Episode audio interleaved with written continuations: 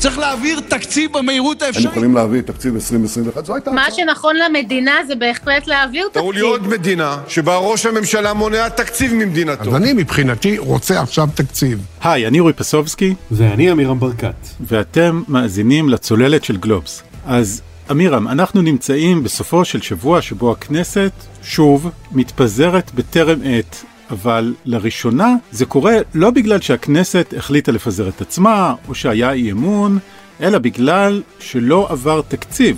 נכון להגיד שזה תקדים אה, היסטורי? כן, נכון, אנחנו יכולים uh, לציין פה איזושהי נקודת ציון היסטורית. עוד משהו שלא קרה אף פעם קרה. מה שקרה זה שבעצם uh, שעון החול להעברת תקציב uh, המדינה אזל. הניסיונות להוסיף עוד קצת חול לשעון הזה כפי שנעשה לפני רק שלושה חודשים לא צלחו הפעם, וברגע שגרגר החול האחרון צנח למטה, הכנסת פוזרה. היו מקרים בעבר שבהם הוחלט על הקדמת הבחירות כי היה ברור לכל חברי הממשלה שהם לא יצליחו להעביר תקציב, אבל דבר כזה שפשוט נפסקת המנגינה עוד לא קרה. מה שברור הוא שהכנסת הזאת סיימה את דרכה בלי שהוא עבר תקציב, ולמעשה בלי שהוא עבר תקציב מאז מרץ 2018. מה שחשבנו לנסות היום לעשות הוא להבין איך הגענו לנקודה הזאת, מה המשמעות של כל המהלכים יוצאי הדופן שאנחנו רואים בימים האחרונים, המשמעות הכלכלית, המשמעות הרחבה יותר להתנהלות של המדינה, וגם מה צפוי קדימה.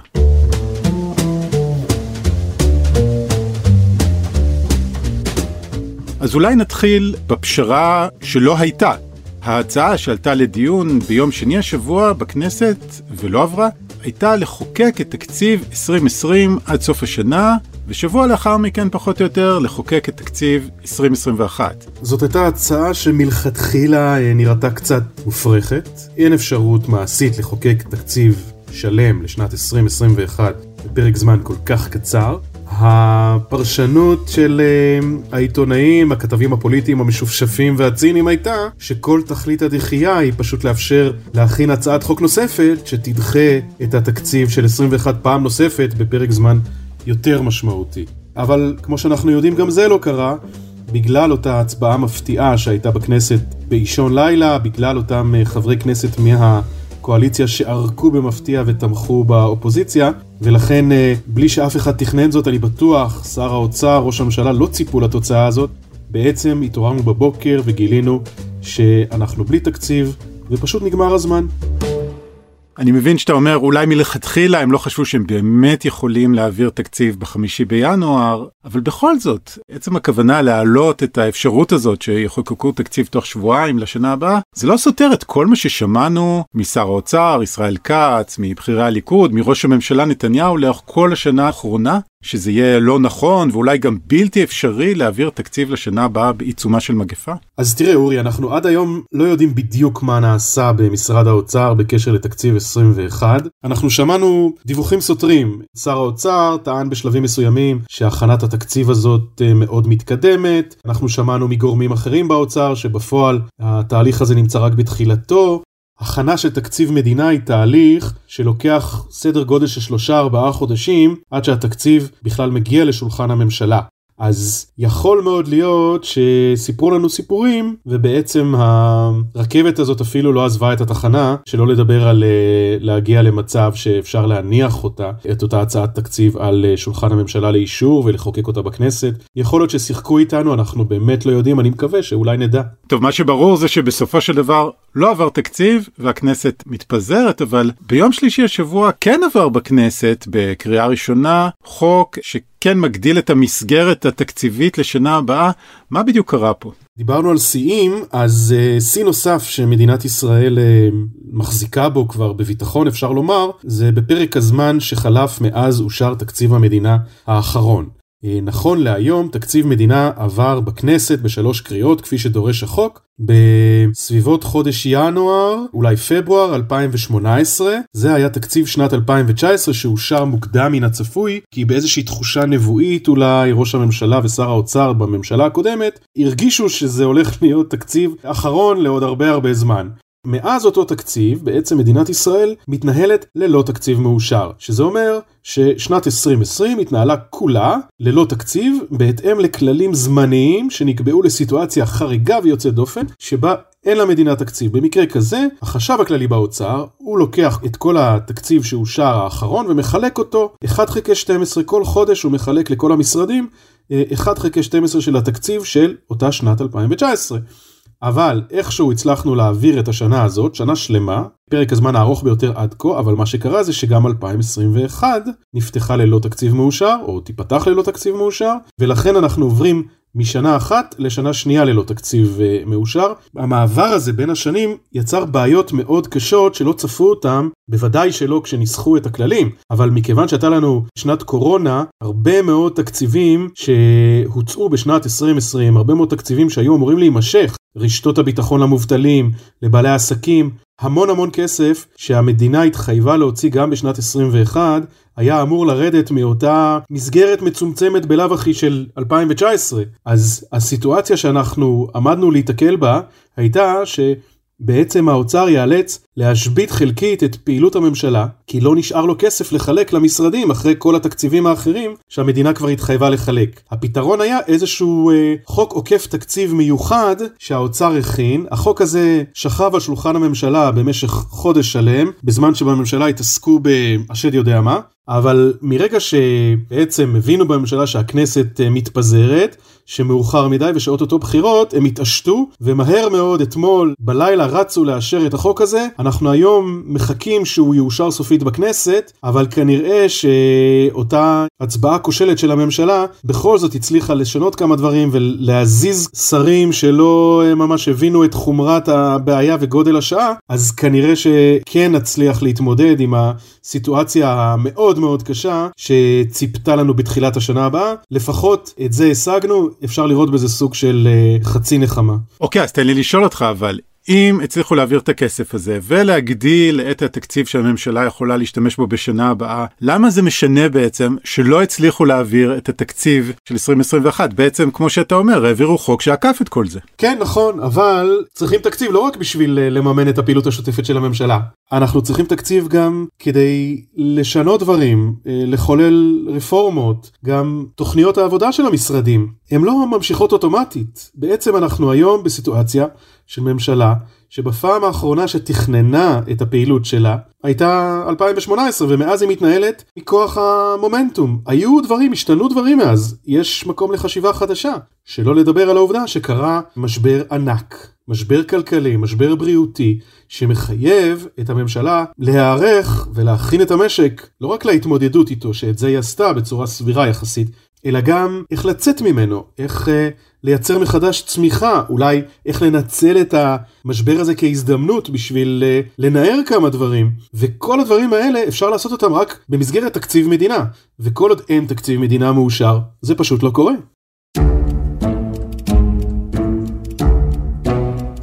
אנחנו היום בסיטואציה שהיא מבחינות מסוימות בלתי אפשרית לדרג המקצועי באוצר, במשרדים אחרים, במשרד המשפטים, בעצם הוא נמצא פה בין הפטיש לבין הסדן. מצד אחד יש דרג פוליטי שלא עושה את מה שהוא נדרש לעשות לפי החוק, לא מאשר תקציב מדינה, והדרג המקצועי נדרש לספק איזה שהם פתרונות כדי שיאפשרו למדינה להתנהל ללא תקציב. כשהדילמה של הדרג המקצועי הוא יכול מצד אחד לנסח חוקים, ליצור כל מיני כללים עוקפי תקציב, אבל מצד שני זה מנוגד לכוונת המחוקק שרצה שהמדינה תתנהל לפי תקציב, שהמדינה תתנהל בצורה מסודרת.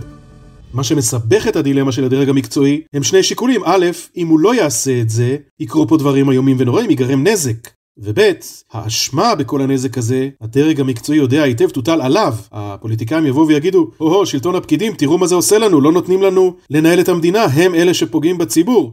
אנחנו רואים שהדרג המקצועי באמת בכל המשרדים מנסים ככל יכולתם למתוח את החבל הזה, ובצד השני עומד בית משפט שמסתכל על הדברים בחשדנות הולכת וגוברת, מה אתם עושים עם החוקים, כמה רחוק אתם יכולים למתוח את החבל הזה? יש עתירות שנמצאות היום בבג"ץ שמתייחסות למהלכים שנעשו במהלך השנה האחרונה, מהלכים שאף אחד לא דמיין שיעשו, הגדילו פה את תקציב המדינה הזמני, הגדילו אותו והפכו אותו בעצם לתקציב בפועל, מבלי לעבור בכנסת בכלל.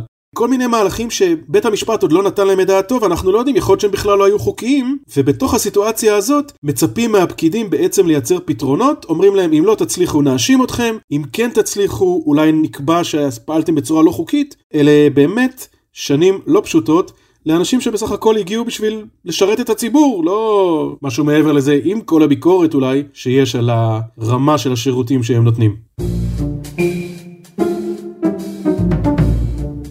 אוקיי, okay, אז הזכרת את הדרג המקצועי, בוא נדבר שנייה על הדרג הפוליטי, ספציפית, ישראל כץ, שר האוצר, שאפשר להניח אה, שבממשלה הבאה, באיזו קונסטלציה שהיא לא תהיה, הוא לא יהיה שר האוצר. אם אנחנו מנסים לסכם את הקדנציה המאוד קצרה, ואפשר לומר, הדלה בהישגים של אה, שר האוצר ישראל כץ, אז בעצם אנחנו יכולים לומר, שילמנו דמי לימוד של שר שהגיע לתפקיד שלו לא מוכן, בלי תוכניות מסודרות, בלי צוות uh, מסודר של יועצים מאחוריו, ובעיקר בלי נכונות uh, ללמוד.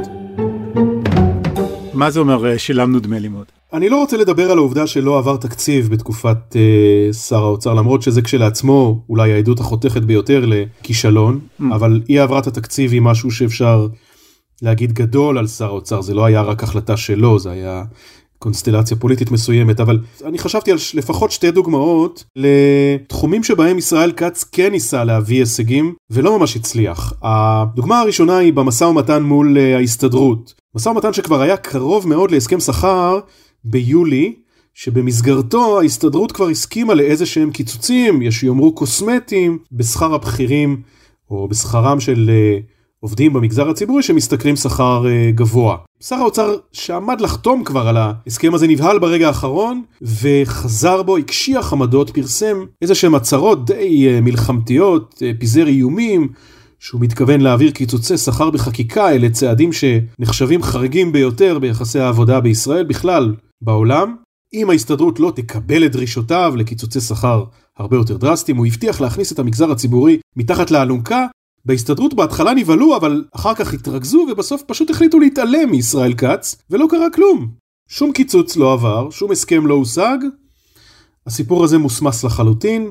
יו"ר ההסתדרות עבר לדבר עם ראש הממשלה מעל ראשו של שר האוצר, אני לא זוכר שקרה דבר כזה בשנים האחרונות. דוגמה שנייה שחשבתי עליה, נושא ההכשרות המקצועיות. משהו שהוא באמת בקונצנזוס של כל הכלכלנים, זה הזמן, הרבה מאוד מובטלים, עובדים בחל"ת, הרבה צעירים שבשבילם זו הזדמנות אה, ללמוד אולי מקצוע אחר. יש כסף, אה, במסגרת קופסאות הקורונה הקצו כמעט מיליארד שקלים להכשרות מקצועיות, מה קרה? ויכוח בין שר האוצר לבין שר העבודה והרווחה, איציק שמולי. יש שיאמרו בעיקר ריב של אגו, בעיקר מצד שר האוצר שדרש שהכסף יישאר אצלו באוצר ושהוא יבצע את ההכשרות המקצועיות למרות שהמשרד המקצועי שאמור לבצע אותן הוא משרד העבודה והרווחה. כץ הסביר זאת במידה מסוימת של צדק בכך שמשרד העבודה והרווחה לא ממש הצליח עד היום לספק את הסחורה, אבל התרופה שלו שמשרד האוצר יעשה את זה עוררה הרבה מאוד הרמות גבה, הרי מה משרד האוצר מבין בהכשרות מקצועיות? הוויכוח הזה גרם לבזבוז זמן יקר ומיותר, שלושה חודשים של נתק מוחלט, הכסף שם מחכה ששר האוצר ושר העבודה והרווחה יגיעו ביניהם לאיזה שהם הסכמות, ייפגשו, ירדו מהעצים. צריך לתת קרדיט לאיציק שמולי שהיה הראשון שהסכים לוותר, נפגש עם השר כץ, אבל זה כבר היה ממש מאוחר, לפני חודש ומאז לא קרה כמעט כלום והממשלה התפזרה. וכל המהלך הזה, כל ההזדמנות הזאת לייצר איזשהו מהלך רציני של אה, קידום של הכשרות מקצועיות פשוט התמסמס.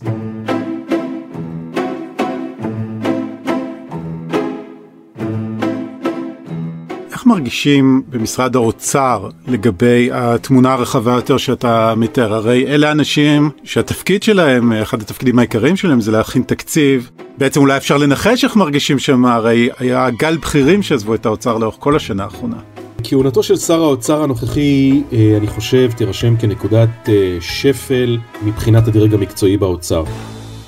זה לא רק נובע מחיכוכים אישיים שהיו לשר האוצר עם הממונה על התקציבים אה, שאול מרידור שהתפטר, עם המנכ"לית שהוא עצמו הביא, קרן טרנר, שהתפטרה, ועם היועץ המשפטי אה, אסי מסינג. זה נובע מתפיסה הרבה יותר עמוקה ששר האוצר הביא איתו למשרד האוצר, וגם מיחס מסוים. אז קודם כל שר האוצר ישראל כץ חושב, מאמין, שתפקידם של פקידים הוא לבצע ולא לחשוב ולא להוביל. הוא לא רוצה להתייעץ איתם, הוא לא רוצה לשמוע את דעתם, כך הוא נהג במשרד התחבורה, ולא הייתה לו שום סיבה להניח שזה נראה אחרת במשרד האוצר. Mm. אנחנו יודעים שמשרד האוצר הוא משרד שונה לחלוטין ממשרד התחבורה, יש שם דרג מקצועי עם הרבה מאוד ניסיון, עם הרבה רצון לעזור וכדאי לשמוע אותו, אבל בפועל איך זה נראה? כדי להסביר לך איך זה נראה, אני הייתי רוצה לקחת אותך לאיזושהי סיטואציה שיצא לי להיות נוכח בה.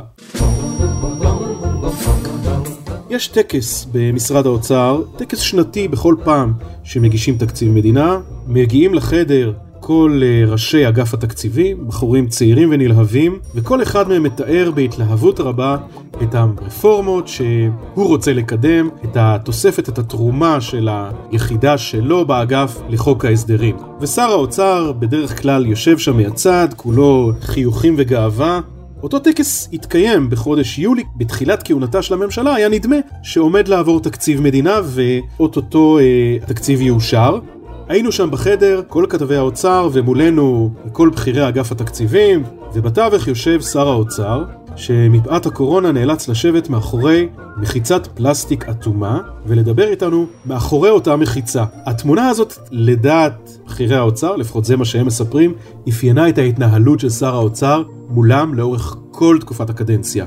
הם תיארו אדם שיושב מאחורי מחיצת פלסטיק אטומה, מנותק למה ששר האוצר מכנה רעשי רקע, שקוע בעצמו ולא קשוב כלל למה שאומרים הסובבים. לפעמים הוא גם אה, נתפס לא פעם, מסתכל במכשיר הטלפון הנייד שלו, שולח וואטסאפים ומצייץ בטוויטר. זאת הייתה אולי הגישה הייחודית של כץ לניהול משרד האוצר. אמירם, אני רוצה לזרוק לך איזה תזה שהייתה לי, אני לא בטוח שאני מאמין בה, מאמין בה אולי למחצה. הרי הקורונה הזאת שמה את המדינה, את החיים של כולנו, שמה את הכל uh, on hold, מין תקופת מעבר שכזאתי, שפשוט צריך לצלוח אותה, להגיע לצד השני של המגפה. ובזמן הזה, בכל זאת הממשלה שפכה פה כסף, לא יודע אם בלי הבחנה, שפכה המון כסף. אולי לא uh, תעדפו uh, ולא תכננו את הכל באופן uh, הכי מדויק וחכם וכירורגי, אבל בכל זאת, כן הוציאו פה לא מעט כסף, תמכו במשק. ועכשיו נניח יש בחירות במרץ, יקימו ממשלה באפריל, יהיה תקציב לא הרבה מדי זמן אחר כך, זה פחות או יותר יצא גם בזמן שבו המשק יתחיל להיחלץ מהמגפה. אז אולי יצא שבכוונה או לא בכוונה, יש סינכרון בין הזמן שבו תהיה ממשלה חדשה ותקציב חדש ונצא מהקורונה, ואיכשהו בסדר, הייתה תקופה שלא היה בתקציב, אבל ממילא אי אפשר היה לעשות יותר מדי, וכן חילקו כסף למי שצריך. אורי, זאת גישה מאוד uh, מקורית. בעצם אתה אומר, אולי טוב שהממשלה לא, לא העבירה לנו תקציב ולא תפקדה אה, בצורה מלאה? לא, לא, לא, זה לא מה שאני אומר. זה אגב לא כזה מקורית, אני מודה ששמעתי למשל אה, פרופסור רפי מלניק משמיע דברים קצת דומים. הרעיון הוא שממילא עד שתסתיים המגפה אי אפשר לעשות יותר מדי, אז uh, צריך לצלוח את זה ועושים את זה. טוב יותר, טוב פחות. אני לא יכול לומר שאני אה, לחלוטין חולק עליך בעניין הזה, זאת אומרת, כן, יש, יש איזשהו היגיון מסוים, כל עוד אתה נמצא באיזושהי סערה כל כך גדולה, אתה לא יודע אם יש לך סגר שני, סגר שלישי, סגר רביעי אולי, יש חיסון, אין חיסון, קשה לנו לדעת מתי הסיפור הזה ייגמר וכמה מחירים אנחנו נשלם בדרך, אבל בכל המשברים הקודמים, והוכחנו כמדינה שאת הרפורמות הגדולות אנחנו מייצרים דווקא בתקופות כאלה, מה גם שלוקח להם זמן להבשיל, אנחנו יודעים מה צריך לעשות. ניקח אותך למשל למשבר uh, מפורסם של uh, פרץ בעקבות אינתיפאדת אל-אקצא mm-hmm. והתפוצצות uh, בועת הדוט קום. שנתיים קשות מאוד שהיו במשק. באותם שנתיים נעשו מהלכים אולי החשובים ביותר שנעשו ב-20 שנה האחרונות. למשל, כללים פיסקליים שקבע אז שר האוצר בנימין נתניהו. אני מדבר למשל על העברת uh, כל השכירים במשק לפנסיה צוברת במקום פנסיה תקציבית. אפשר להתווכח עליהם, אבל אלה מהלכים שעיצבו את המדיניות הכלכלית של כל הממשלות שהיו מאז.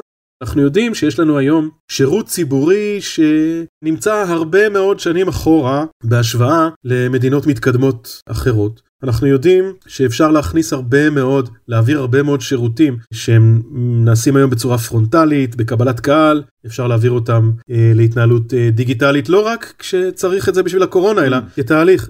יש המון מה שאפשר לעשות כדי לשפר את המיומנויות של העובדים בישראל. הרבה מאוד uh, עבודות שאפשר לבצע בתקופה הזאת, כל זה לא קרה לצערנו, כי הממשלה לא הייתה שם, היא הייתה עסוקה בדברים אחרים, מה בדיוק אה, קשה לי לענות על זה. ואולי גם צריך להוסיף, אה, אני אחליף צד, שגם כשיוצאים מהמשבר, ממילא נצא ממנו בתנופה מסוימת, אבל אולי אפשר לתת עוד תנופה, עוד תמריצים, עוד חיזוק. תראה, אני, אני חייב לציין שוב, אה, היו רעיונות, היו תוכניות, בנק ישראל הכין תוכנית מאוד מפורטת, גם לגבי ההתמודדות עם המשבר וגם לגבי היציאה ממנו, אבל היה שר אוצר שקרא לכל התוכניות האלה רעשי רקע, מחזיר אותך לדימוי הקודם של מחיצת הפלסטיק האטומה.